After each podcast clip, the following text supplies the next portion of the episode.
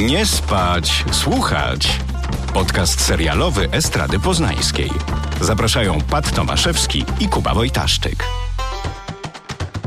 Dzień dobry przede wszystkim. Dzień dobry, witam serdecznie. Moim marzeniem było właśnie e, wziąć udział w jakimś podcaście. Cieszymy się, że jesteśmy pierwsi. Bardzo dziękujemy za chęć rozmowy z nami. Tak, mimo tego, że Ola już e, odsłuchała nasz podcast, już szpile padły przed e, chwilą, przed mikrofonem i nie mogę się doczekać, bo już się Kubie oberwało, że bardziej lubi Paulinę niż Natalię. A tobie, że Monikę. To prawda, to prawda. A ja po prostu widzę w niej część mojej rodziny. To może dlatego, takie bliskie spostrzeżenie. Nam jednak do naukowców daleko.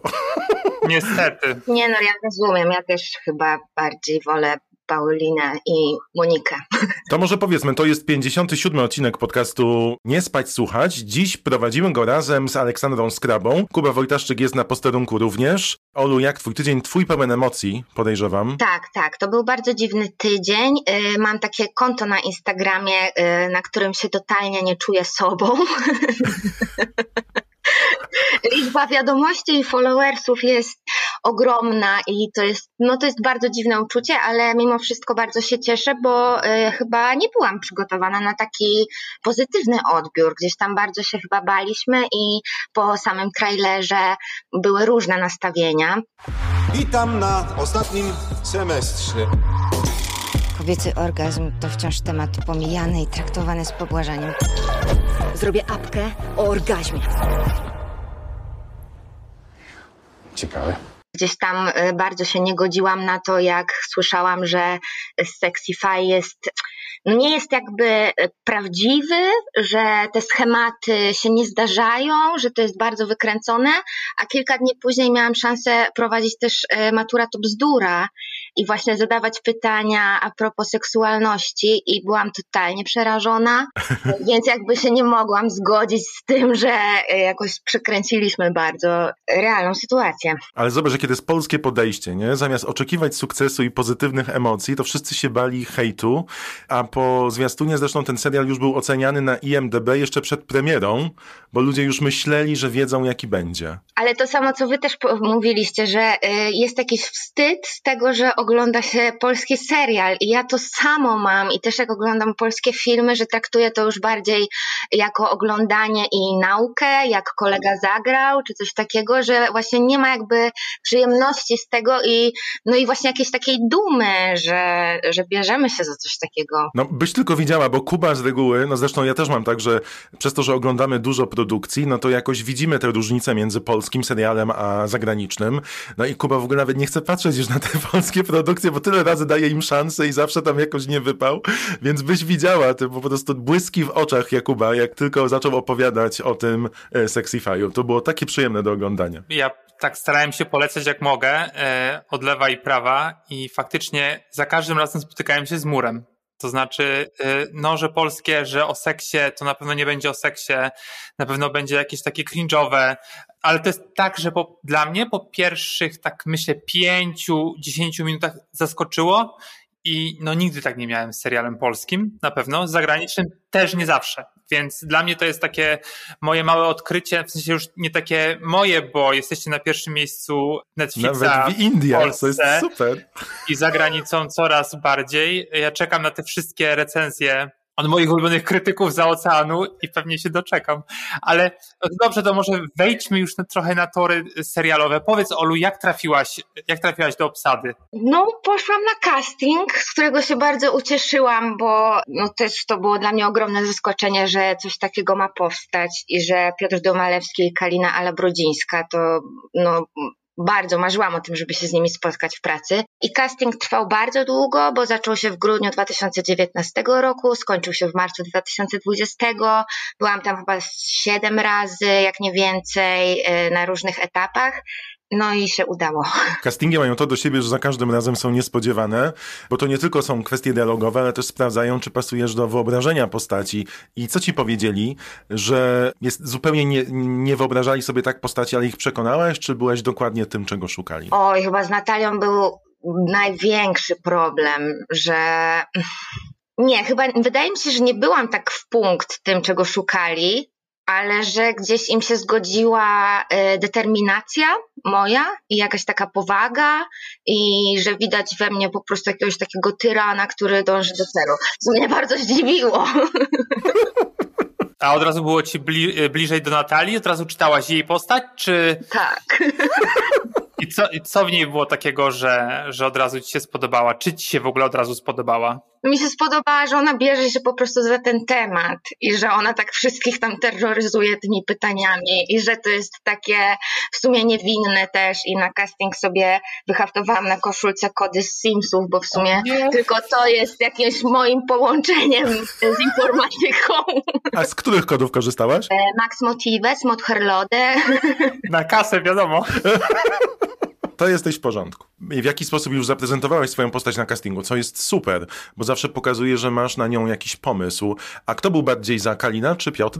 Nie wiem tego.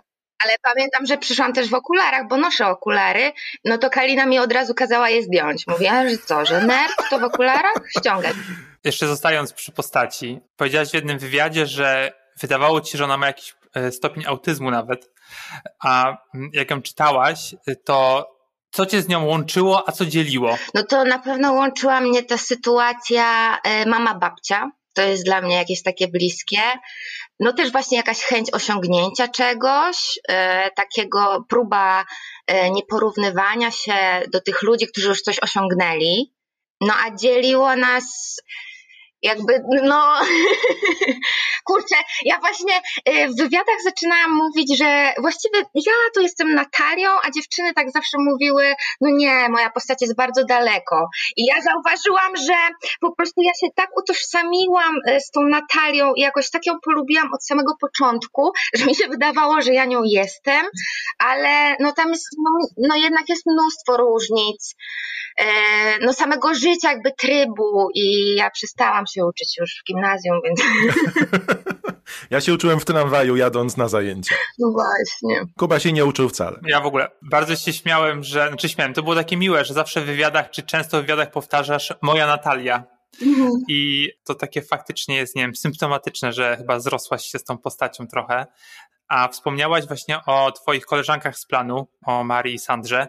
Wy się znałyście wcześniej? Nie, ja dziewczyny poznałam na castingu bo ta chemia między wami jest po prostu niesamowita. Ale I, Kuba, ja... ta chemia to jest udawana. Czytaj wszystkie brukowce. One się nienawidzą, to one się biły na planie. Przecież to jest no polska dynastia. Tam jest tyle zawiści w tych postaciach, w tych aktorkach. Naprawdę, Kuba, ty przygotuj się. Tak, dziewczyny kradły mi kostiumy i w ogóle, no tragedia.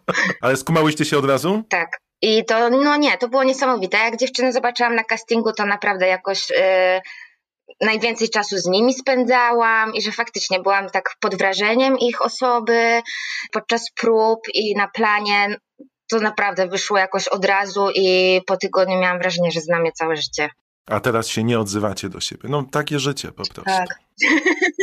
Podejrzewam, że skoro się tak fajnie skumałyście, to przebywanie na planie, bo słuchacze pewnie nie zdają sobie i słuchaczki sprawy z tego, że kręcenie serialu to nie jest taka czysta przyjemność, bo często jest to praca po nawet 18 godzin. Nie wiem, jak wyglądało to w tej produkcji, ale z chęcią o tych kulisach porozmawiamy.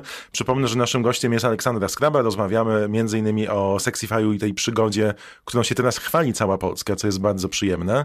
To może o tych kulisach byś nam trochę rzeczy poopowiadała. Ile godzin dziennie spędzałyście razem? To było bardzo różne. 18 godzin chyba się nie zdarzyło, 16 wydaje mi się. No tak, no to jest praca, prawda? To, że śmiesznie na ekranie, to nie znaczy, że tak było na planie.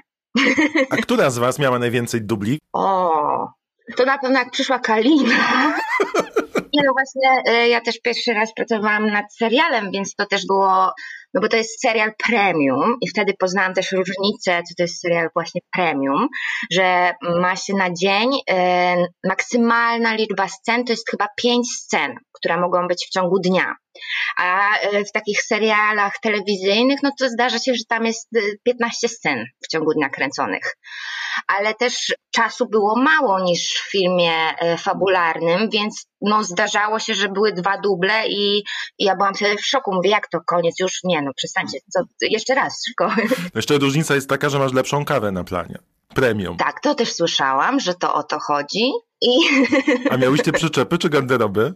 Bo od razu my wszyscy widzimy hollywoodzki e, system, nie? Tworzenia produkcji. A no to również zależy od lok- lokacji, ale miałyśmy i przyczepy, i garderoby. O mamo, to rzeczywiście premium to. Szafonta, jak to mówiła moja koleżanka zamiast szapuba. No dobrze, a no bo mówi się jakby, jeżeli powstaje w Polsce produkcja o seksie, o seksualności, zwłaszcza kobiet, to gdzieś jest takie taki ciężar na tym, że bierzecie odpowiedzialność za, nie wiem, za młodych na przykład, no bo nie ma edukacji seksualnej w Polsce. Czy czułyście, czy ty czułaś to na planie, że to jest trochę serial z misją? No ja chyba to czułam, ale dlatego, że sama gdzieś sobie narzuciłam tę misję dużo wcześniej i że bardzo mnie to boli właśnie, że ukrywamy tak wiele rzeczy i że sama musiałam tyle rzeczy ukrywać i gdzieś tam staram się bardzo mówić o tym, ale już na samym planie starałam się o tym nie myśleć, bo to było bardzo opresyjne jakieś i ja w ogóle też zapomniałam o tym, że ludzie to zobaczą. Przychodziłam na ten plan i po prostu jakoś dla tych ludzi, których widziałam, o nich myślałam, bo bardzo bałam się e, tej premiery i tego, jak to zostanie odebrane.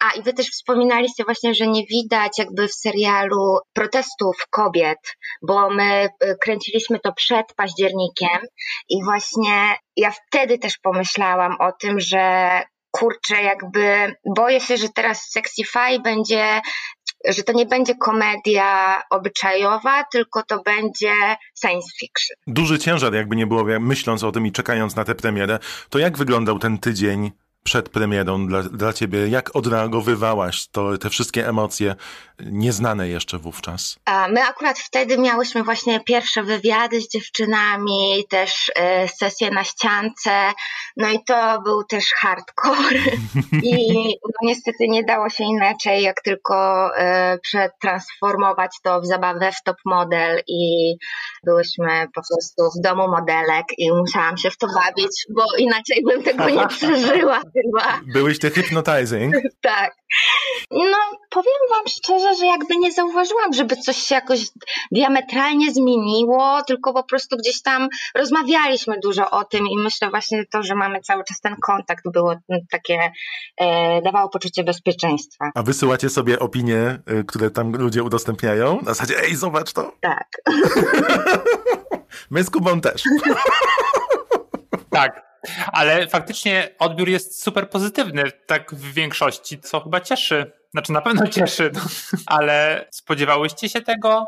No bo to jest tak, tak, jak mówiliśmy na początku, że to jednak jest polski serial i ja mam takie wrażenie, że pojawia się polska produkcja i zazwyczaj jest krytykowana i po prostu cicho szan na temat tych, na temat tych negatywnych y, opinii i idziemy dalej. A tutaj nagle taki wysyp wspaniałości. Tak, no my właśnie się szykowaliśmy na to i też e, z producentami rozmawialiśmy i oni tak nas właśnie pytali, czy wy jesteście gotowe na te wiadra pomyji i tego hejtu, nie? A my tak, e, no miałyśmy trening medialny, to tak, to tam nam mówili w sumie, że nie wolno czytać komentarzy.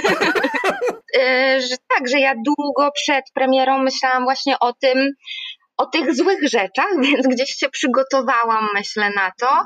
A tutaj nagle takie zaskoczenie, no i też bardzo ciekawe jest obserwować to właśnie, jak wiele ludzi z zagranicy pisze, a jak mało y, kolegów z Polski. Niesamowite jest to, bo y, Kalina Alabrudzińska, którą obserwujemy razem z Kubą też na Instagramie, co jakiś czas y, wrzuca pozytywne komentarze w temacie właśnie serialu z różnych kont zagranicznych Netflixa. I na przykład wczoraj wrzuciła z Netflixa francuskiego, który ma ponad 7,5 miliona obserwujących, gdzie wrzucili kafelek z napisem Sexify Genial, czyli genialna produkcja, co bardzo raduje mnie jako Polaka, że mamy się czym pochwalić tak, tak mocno i między międzynarodowo, bo przypomnijmy, Netflix jest w 190 krajach i teraz macie możliwość zaprezentowania tej, tej wersji polskiej właśnie szerokiej publiczności. Tak, no ja nigdy nie myślałam, że będę brał udział w czymś takim.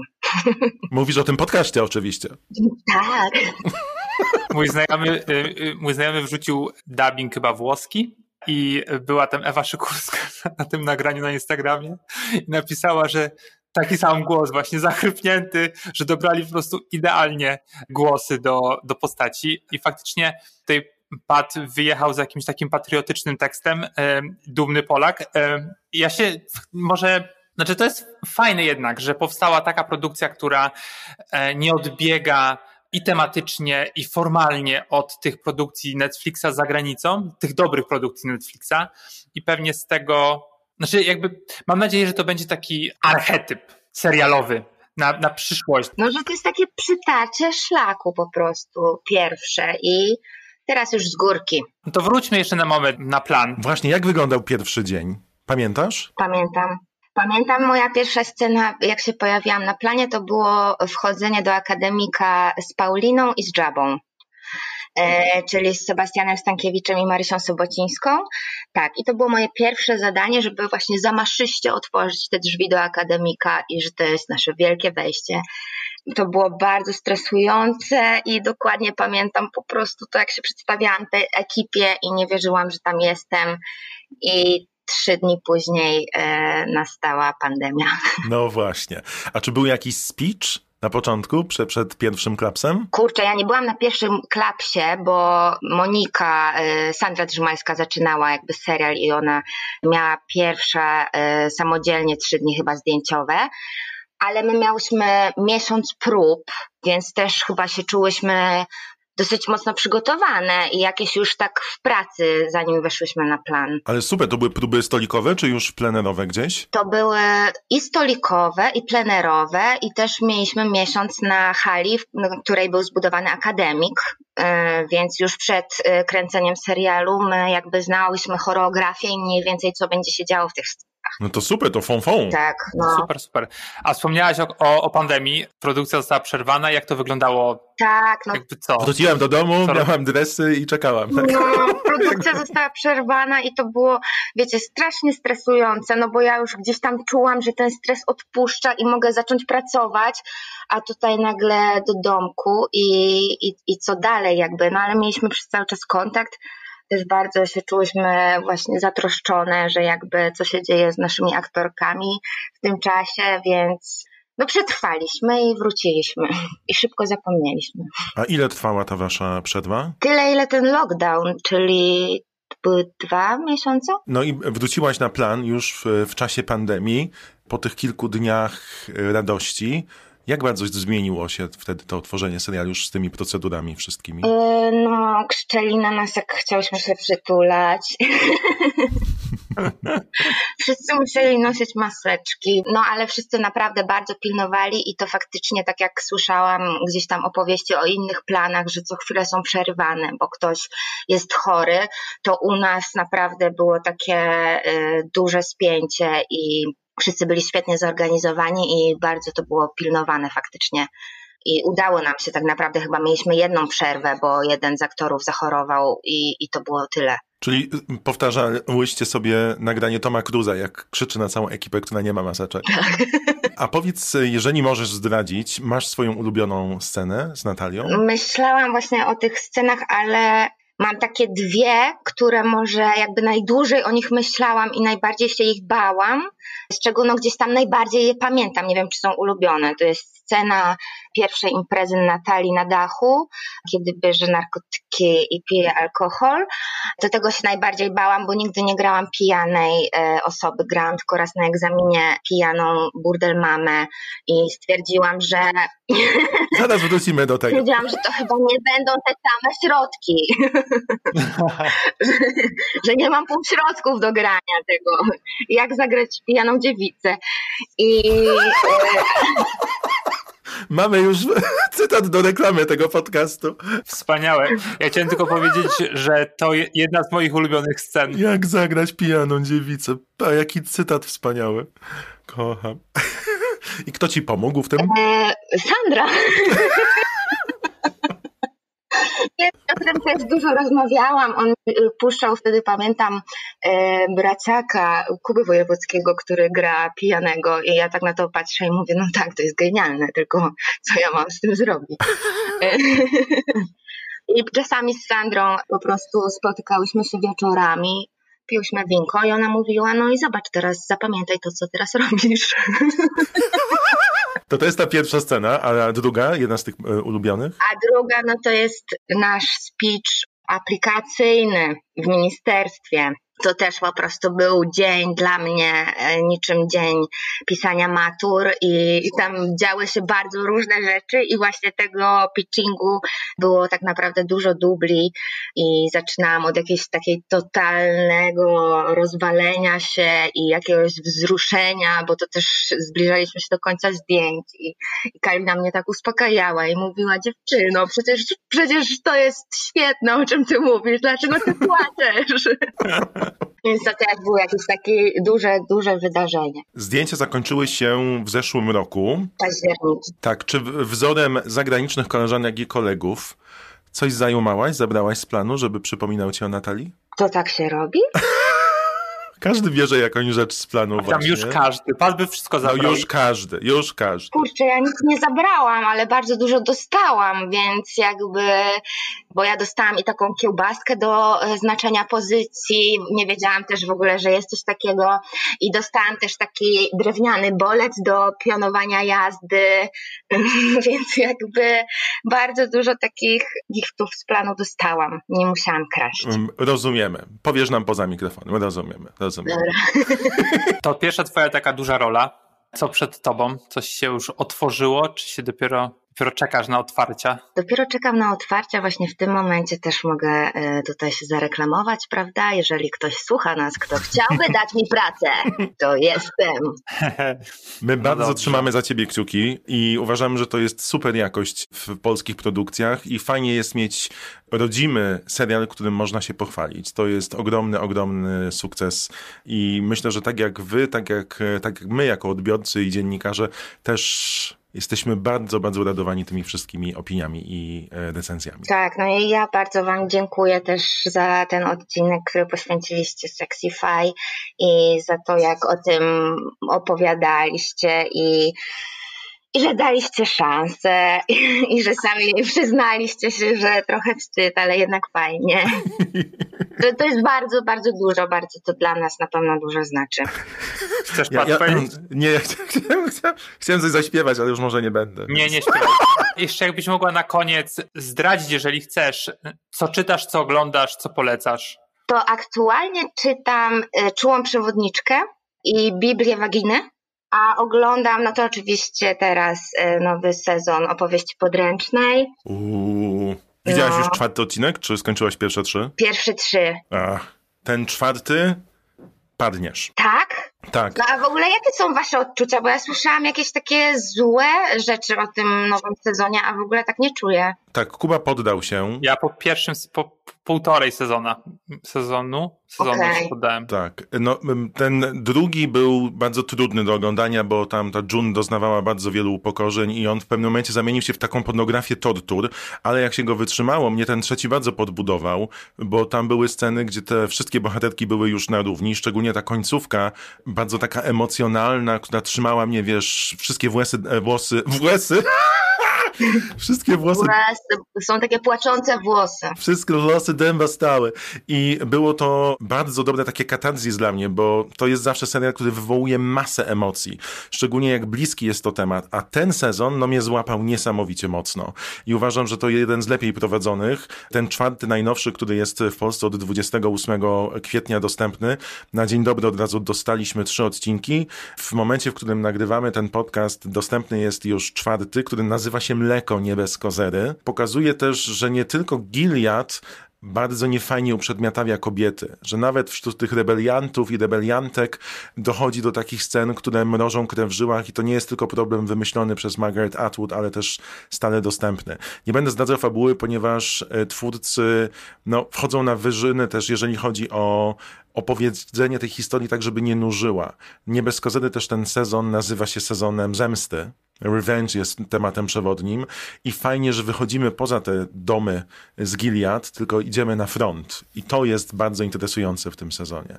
A ciebie złapał? Tak, tak, bardzo. Znaczy ja też jestem po prostu, to jest chyba mój jeden z ulubionych seriali, więc ja bardzo czekam i uwielbiam tą Elizabeth Moss i No i ta historia jest taka bardzo, bardzo ważna też dla mnie. To prawda. Szczególnie, że to mocny serial. Przedłużyli na kolejne sezony. Co prawda, e, nie zawsze lubimy, kiedy to się tak wlecze i wlecze i ciągnie. Szczególnie jeżeli masz serial, który opowiada o braku nadziei, jakiejś perspektywie lepszego jutra. Tylko, że to jest bardzo, bardzo odległa perspektywa.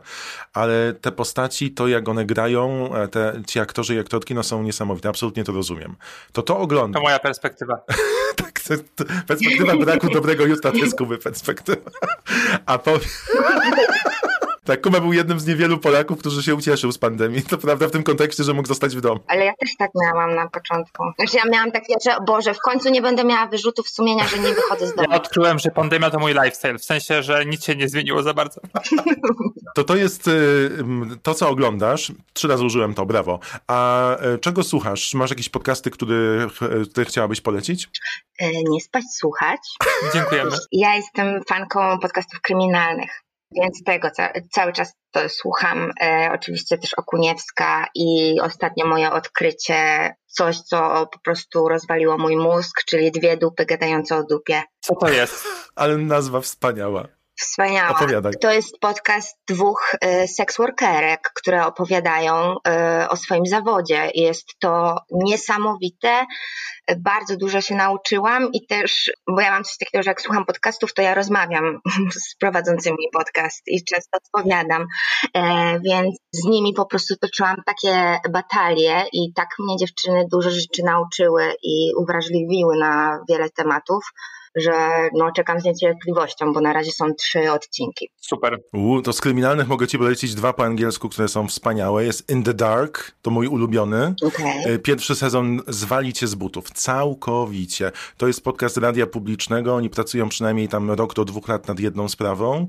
I to, co robi ten podcast, i jak dziennikarka pokazuje, jak jedna sprawa rzutuje na cały system sprawiedliwości w Stanach i zadaje pytania proste typu dlaczego, co się stało, i uzyskuje odpowiedzi, których wcześniej nie było, no, jest niesamowity.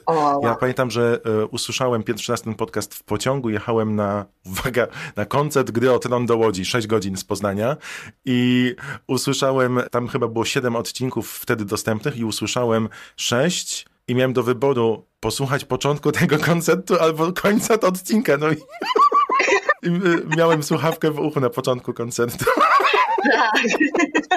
Tak wciągnął, to pokazuje magię po podcastingu. A drugi to jest e, matka e, wszystkich podcastów, czyli Serial, serial się nazywa i pierwszy sezon na pewno też cię bardzo, bardzo złapie, Mhm. bo na podstawie tego HBO zdobiło też e, film dokumentalny. Bardzo ciekawy kryminalny podcast. A teraz już złapię cię za język, bo powiedziałeś, że rozmawiasz, jak słuchasz podcastów z prowadzącymi. O czym rozmawiałeś z Kubą i ze mną, jak słuchałaś? Nie, no słuchałam bardzo, jak powiedzieliście o swoich ulubionych bohaterkach, to powiedziałam tylko dzięki. E, No i właściwie to z niczym więcej się z wami nie kłóciłam. Wtrąciłam tam jeszcze, że nie mówimy o strajku, bo to jeszcze było przed.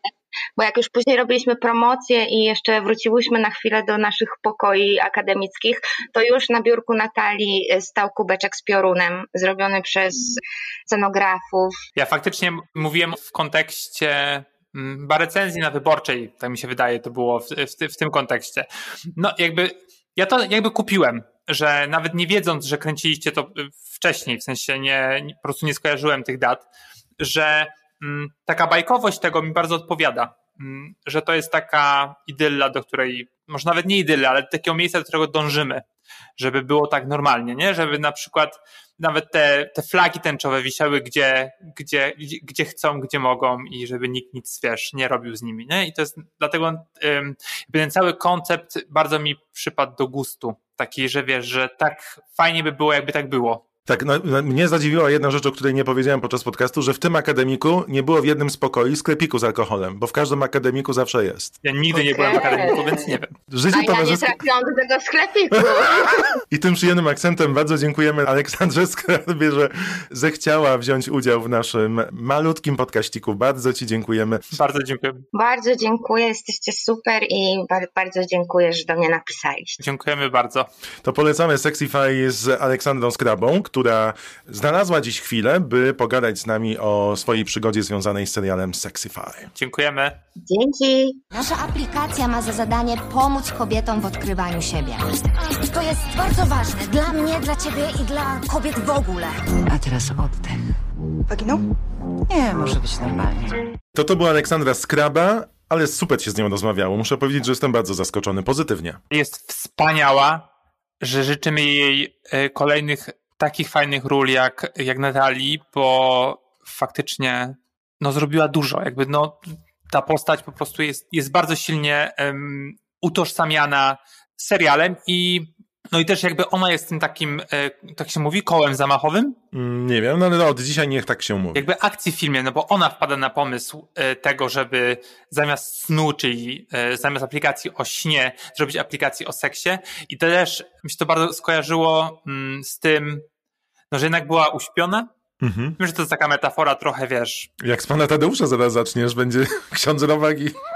No nie, ale to metafora po prostu na takiej zasadzie, że była uśpiona i później przez to, że robi aplikację o seksie, budzi się w niej. Nie, nie chodzi o nie tyle seksualność, co dojrzewa, y, jakby odkrywa siebie. I to jest bardzo fajne. I no to dzięki Natalii, czyli tej postaci, ta akcja się w ogóle zawiązuje. Tak, no i też miło było patrzeć, bo mieliśmy podgląd na siebie, jak ona się raduje, mówiąc o tym serialu, o tej przygodzie i o tej e, postaci. Cieszymy się, że takie produkcje powstają, że dają szansę, byśmy my jako widownia poznali nowe twarze, być może przyszłości kina.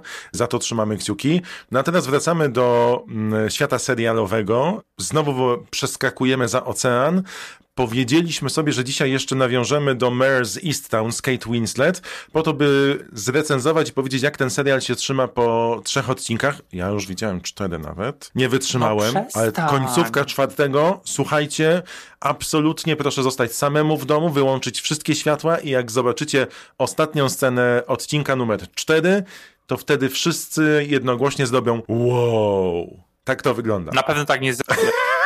The Easttown Police Department received a call reporting a dead body in Creedham Creek. We've decided to bring in a county detective to assist with the case. How do you like working with my mom so far? We're just getting started out. Any tips?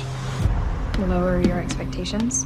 Chciałem powiedzieć, że zmieniam zdanie i bardzo przepraszam e, Iwana Petersa, oj, skąd wiesz, że on nie słucha naszego podcastu, ale, bo nie zna polskiego. To jest tylko jedyny powód. Widzisz, a mówiłem ci, że będzie lepiej. A propos też naszej rozmowy z Olą pijanego w knajpie, e, no to jest majstersztyk. Wspaniale to e, robi. Jestem ciekawy, czy faktycznie coś pili przed tą sceną.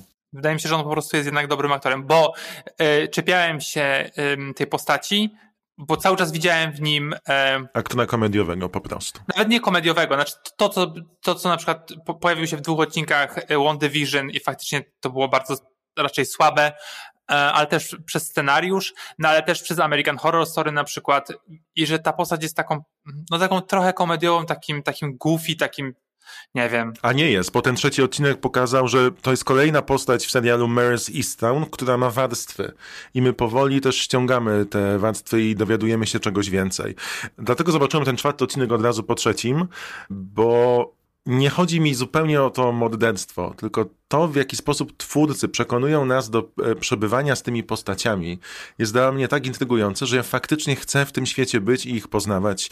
I złapałem się nawet na takich momentach, kiedy Kate Winslet tylko patrzy na reakcję, na przykład, czy jej były mąż zareaguje jakoś, jak jest przesłuchiwany e, na posterunku i same jej oczy jak wędrują, to ty mówisz, znasz, rozumiesz i chcesz mieć w towarzystwie taką osobę. Przynajmniej ja tak mam. No, Kate Winslet zawsze, ale no wiesz, to jest trochę też tak, że będę się trochę czepiać. To znaczy, ja uwielbiam e, Kate Winslet i e, no świetnie się ją ogląda na małym i dużym ekranie, tylko to jest też trochę tak, że mm, no, chwalimy kogoś, kto, kogo nie trzeba chwalić. No, ona jest fenomenalną aktorką. Tak, ale ona jest fenomenalna, bo ma fajny materiał, z którym może zrobić to, co umie. To prawda, ale e, no okej, okay, no dobrze, to się nie będę jej czepiać. Jest wspaniała, w tym serialu jest naprawdę genialna i też jest taka fenomenalna scena pomiędzy Kate Winslet a Jean Smart, która gra Matkę Mer ta kłótnia pomiędzy, e, pomiędzy nimi no jest fenomenalna, jest trochę lekkie pato i, i faktycznie te emocje po prostu e, sięgają zenitu, no ale jednocześnie widać w tym, że to nie jest pierwsza ich kłótnia, że to, to, to też trzeba umieć zagrać i jakby pokazać na małym ekranie, że to jest po prostu ich życie, które się toczy od x lat e, i to jest po prostu jeden z kolejnych wybuchów, który y, może mieć, nie wiem, większą siłę, większe natężenie, ale pewnie do, doprowadzi to do jakiegoś rozwiązania, ponieważ one są ze sobą tak długo. Znaczy tam jest też potem taka, nie wiem czy to jest trzeci czy czwarty odcinek, jest taka świetna scena, gdzie ona rozmawia o tym, że mieszka z matką i ktoś pyta, lubicie się, a ona od razu po sekundzie odpowiada, nie. To, to, to, to, to w czym jest. Ale jeszcze chciałem zauważyć, czepiałem się nastolatków i cały czas uważam, że wątek córki, którą, tak, czyli. Siobhan, którą gra Angwari Rice, chyba tak się to czyta. To jest dla mnie to po prostu każdy serial z Disney Channel dla nastolatków prze, z, z, filtrem, smutnym filtrem z Instagrama. Znaczy jest to bardzo dziwne, bo na przykład jest taka scena w studiu radiowym. Tak, okropna. I one rozmawiają jak czterdziestolatki, a one mają naście lat. I to mnie też złapało na zasadzie, że tak się nie rozmawia. To są dzieciaki jeszcze. Jest to rzeczywiście, ty na to zwracałeś uwagę wcześniej, ja y, mówię sobie, no tu jest trochę za dużo. Ale jako, że ten serial jest tak fajnie pisany w innych postaciach, no bo postać Jean Smart, czyli matki Kate Winslet, no jest genialna. Mhm. Jak ona ukrywa lody, które podjada w torebce po mrożonych warzywach, no to to jest, to jest moja rodzina. Przecież ja kiedyś przyszedłem do domu i moja babcia jadła kilogram hałwy i jak zobaczyła mnie, to sobie tę hałwę ze stołu złożyła na y, nogi zrzucając ją ze stołu, żebym ja nie zobaczył. No to jest dokładnie jeden do jednego coś, co ja znam.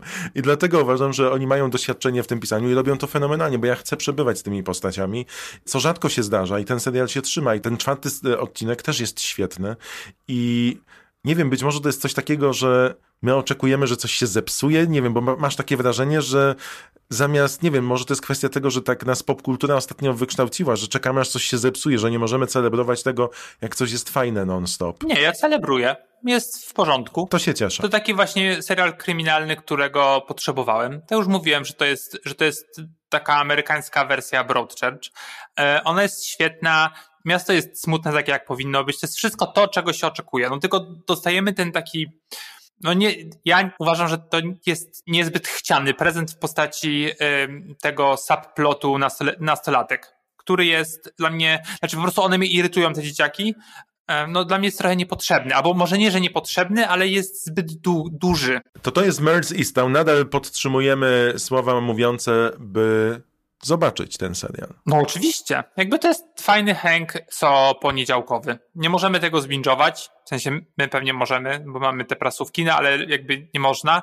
I to jest fajne, że po prostu to jest taka, mm, to że też chyba kiedyś o tym gadaliśmy, że to jest taki zwrot ku jakkolwiek to brzmi, że po prostu co tydzień siadasz przed telewizorem czy przed komputerem i e, oglądasz serial a nie jak na Netflixie, że binge'ujesz sobie, chociaż Sexify, dzień dobry, można sobie binge'ować do woli. To prawda. Ja teraz mam dwie takie pozycje właśnie um, opowieści podręcznej i Mayor's Easton, gdzie premiery są co tydzień i faktycznie masz chwilę, żeby przemyśleć, rozkminić, zastanowić się, co może być i potem albo potwierdzić, albo być zaskoczonym. To to jest e, Mayor's Easton, czwarty odcinek, dzień po premierze tego podcastu będzie już można zobaczyć, ale to nie jeden temat, o którym chcieliśmy powiedzieć, bo w świecie jest mnóstwo ploteczek dotyczących przemysłu telewizyjnego. Ja może zacznę od najgorętszej, która w nocy do nas trafiła, czyli, że Adrian Brody, laureat Oscara, dołącza do trzeciego sezonu Sukcesji i tym samym przeczytałem najdziwniejszego newsa, że Sukcesja obecnie ma panel najwyższych aktorów telewizji. No a też właśnie dzień wcześniej dołączył Aleksander Stargast. Skarsgård. Skarsgård, no trudne nazwisko. E, czyli po prostu... A też e, wysoki. No nie, no nie tylko True Blood, ale ostatnio, ostatnio Godzilla vs. King Kong, gdzie grał beznadziejnie. No ale również grał męża Nicole Kidman w Małych Kłamstewkach. Tak, to była fajna rola. I on będzie, no czy teraz ten trzeci sezon sukcesji będzie jakimś mega hitem. No Adrian Brody? No super, ja się bardzo ucieszyłem, ponieważ e, jakby to jest taki zapomniany aktor. Był Adrian Brody, dostał Oscara i pozdrawiam go, już nie ma. E, I teraz wiesz, Oscary się... trzeba polerować, to zajmuje dużo czasu, Kuba. Mm, super, ja lubię takie właśnie mm, coming backi, że mm, już, za, wiesz, machnąłeś ręką i, tak, i nagle Robert Downey. Jr. Robert Downey Jr.? No miał taki Sorry. comeback, no sorry, skreślili go, wywalili z Ali McBeal za narkotyki, miał dwa lata, gdzie nic, nigdzie nie wystąpił i nagle No tak. był Iron Man. No ale to myślę, że to nie jest to samo. Nie jest ten sam poziom. że Adrian Brody nagle, chociaż kto wie, może, może do Marvela dołączy. Czyli bardziej taka Sofia Loren, która po kilkunastu latach u wnuka wystąpiła. Też, to, Też myślę, nie, że to nie, okej. też nie jest dobre porównanie jednak, nie? Aktorka po 70, a aktor po, nie wiem, tam ile ma, 45? No to dzisiaj nie trafiam w porównania, niestety. Dzisiaj? Ej, udał ci się Kuba, brawo!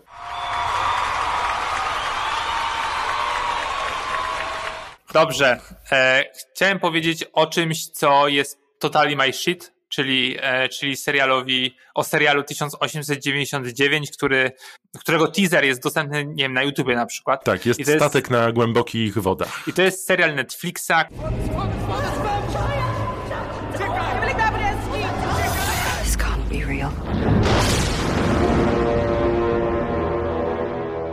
Producentami tego serialu są e, osoby, które stworzyły Dark, czyli jeden z moich ulubionych seriali ever. Tak, jest międzynarodowa obsada i wśród tej obsady znaleźć można również polski wątek. Tak jest, musiał. Czemu on musiał akurat tam? Zaczął.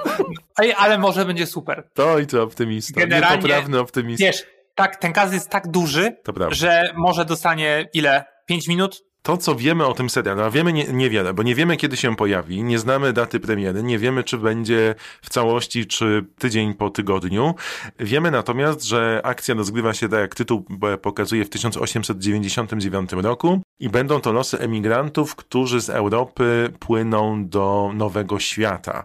Ale w trakcie mm, tej podróży wodnej, morskiej, napotykają drugi statek, w którym coś się dzieje. no, który zaginął wiele lat wcześniej. E, No i faktycznie e, obsada jest międzynarodowa i mamy osoby i e, z Wielkiej Brytanii, mamy z Niemiec, z Polski, no wspomniałeś, i z, z Hiszpanii.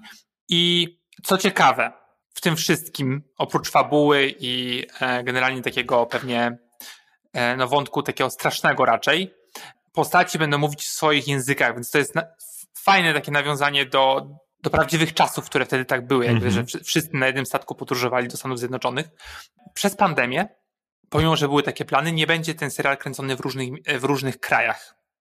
Tylko w Niemczech zbudowano mm, takie studio poniekąd wirtualne, które pierwszy raz powstało na potrzeby Mandaloriana e, w Ameryce. e, Disney to stworzył, że to nie jest green screen, że po prostu widzimy z tyłu rzeczy, które są nieprawdziwe, tylko technologia poszła tak do przodu, że jakby scenografia z tyłu będzie się zmieniać na żywo, że to nie będzie komputer tworzyć, tylko faktycznie będzie, jakby kręcili, no nie wiem, w Szkocji na przykład, nie? Jakby to wszystko będzie na gorąco, na gorąco będzie em, No zobaczymy, bo zapowiedź Zmieniane. brzmi ciekawie, a jestem ciekaw bardzo tego efektu. Czy jednak e, wytrawne oko widza dostrzeże tę sztuczność, czy właśnie będzie to u, No na zasadzie? No ale w Mandalorianie nikt nie wyczuł, pomimo, że to się działo w kosmosie, Pat. No, no właśnie, dziękuję. No ale wiesz, wiesz jak wygląda kosmos e, w, w filmach i serialach Star, Star Wars? Kuba, ja mam kosmos każdego dnia. Że to jest tak naprawdę, nie wiem, pustynia. Mhm. Przecież jak kręcili te wszystkie e, w tych, tych nowszych wersjach e, Star Warsu, te wszystkie e, jakieś tam wyścigi na pustynię i tak dalej, to wszystko było przecież faktycznie, faktyczne lokacje. Nie było zbudowane, no, statki były, ale, ale piasek już nie. A tutaj, a tutaj jednak e, i woda, i wiesz, zmieniający się krajobraz za postaciami będzie ewoluował przez sprzęt. Chodzi bardziej o to, że to jest innowacyjne, że być Tak, może to jest jak awatar. nawet no, jak awatar ileś tam lat temu. I wydaje mi się, że to po prostu może zrewolucjonizować no, telewizję, że już Mhm. nie będziemy, wiesz, w lokacjach kręcić. Że nie będzie tak jak w sukcesji, że Siwon i cała rodzina sobie y, jadą na Cypr, czy gdzie tam sobie na. Tak, na do. Chorwacji na, tak, na, Tak. na jacht. Tylko będą siedzieć sobie po prostu w zapisiałym Arkansas i, i tyle. Dzień dobry. I to w Niemczech wychodzą jeden szpad, nic więcej, czynne 5 godzin dziennie i dziękuję Ja bym, bardzo. tak, ja bym tak chciał. Jestem bardzo ciekawy i mimo, że to jest nieamerykańskie, ale, e, ale tak, e, brzmi A to czy to super. znaczy, że Dark już w ogóle nie powróci, nawet z epilogiem? No nie no, przecież trzy sezony, tam się ładnie skończyło, nawet nie pamiętam jak, ale fajnie. No właśnie, dlatego zadałem to pytanie. No ale to było jakby 10 lat temu, Pat. Jak 10 lat temu. Hello. No, dwa lat. Rok, w tamtym roku, o tym gadaliśmy. To był 57. wyjątkowy odcinek podcastu Nie spać, słuchać. Jeszcze raz dziękujemy e, Oli za to, że zgodziła się dołączyć do dwóch starych tytryków. Tytryków, słyszysz to? Po poznańsku. Chyba ciebie. Znowu age shaming, zobacz, co ty pokazujesz światu? Siebie.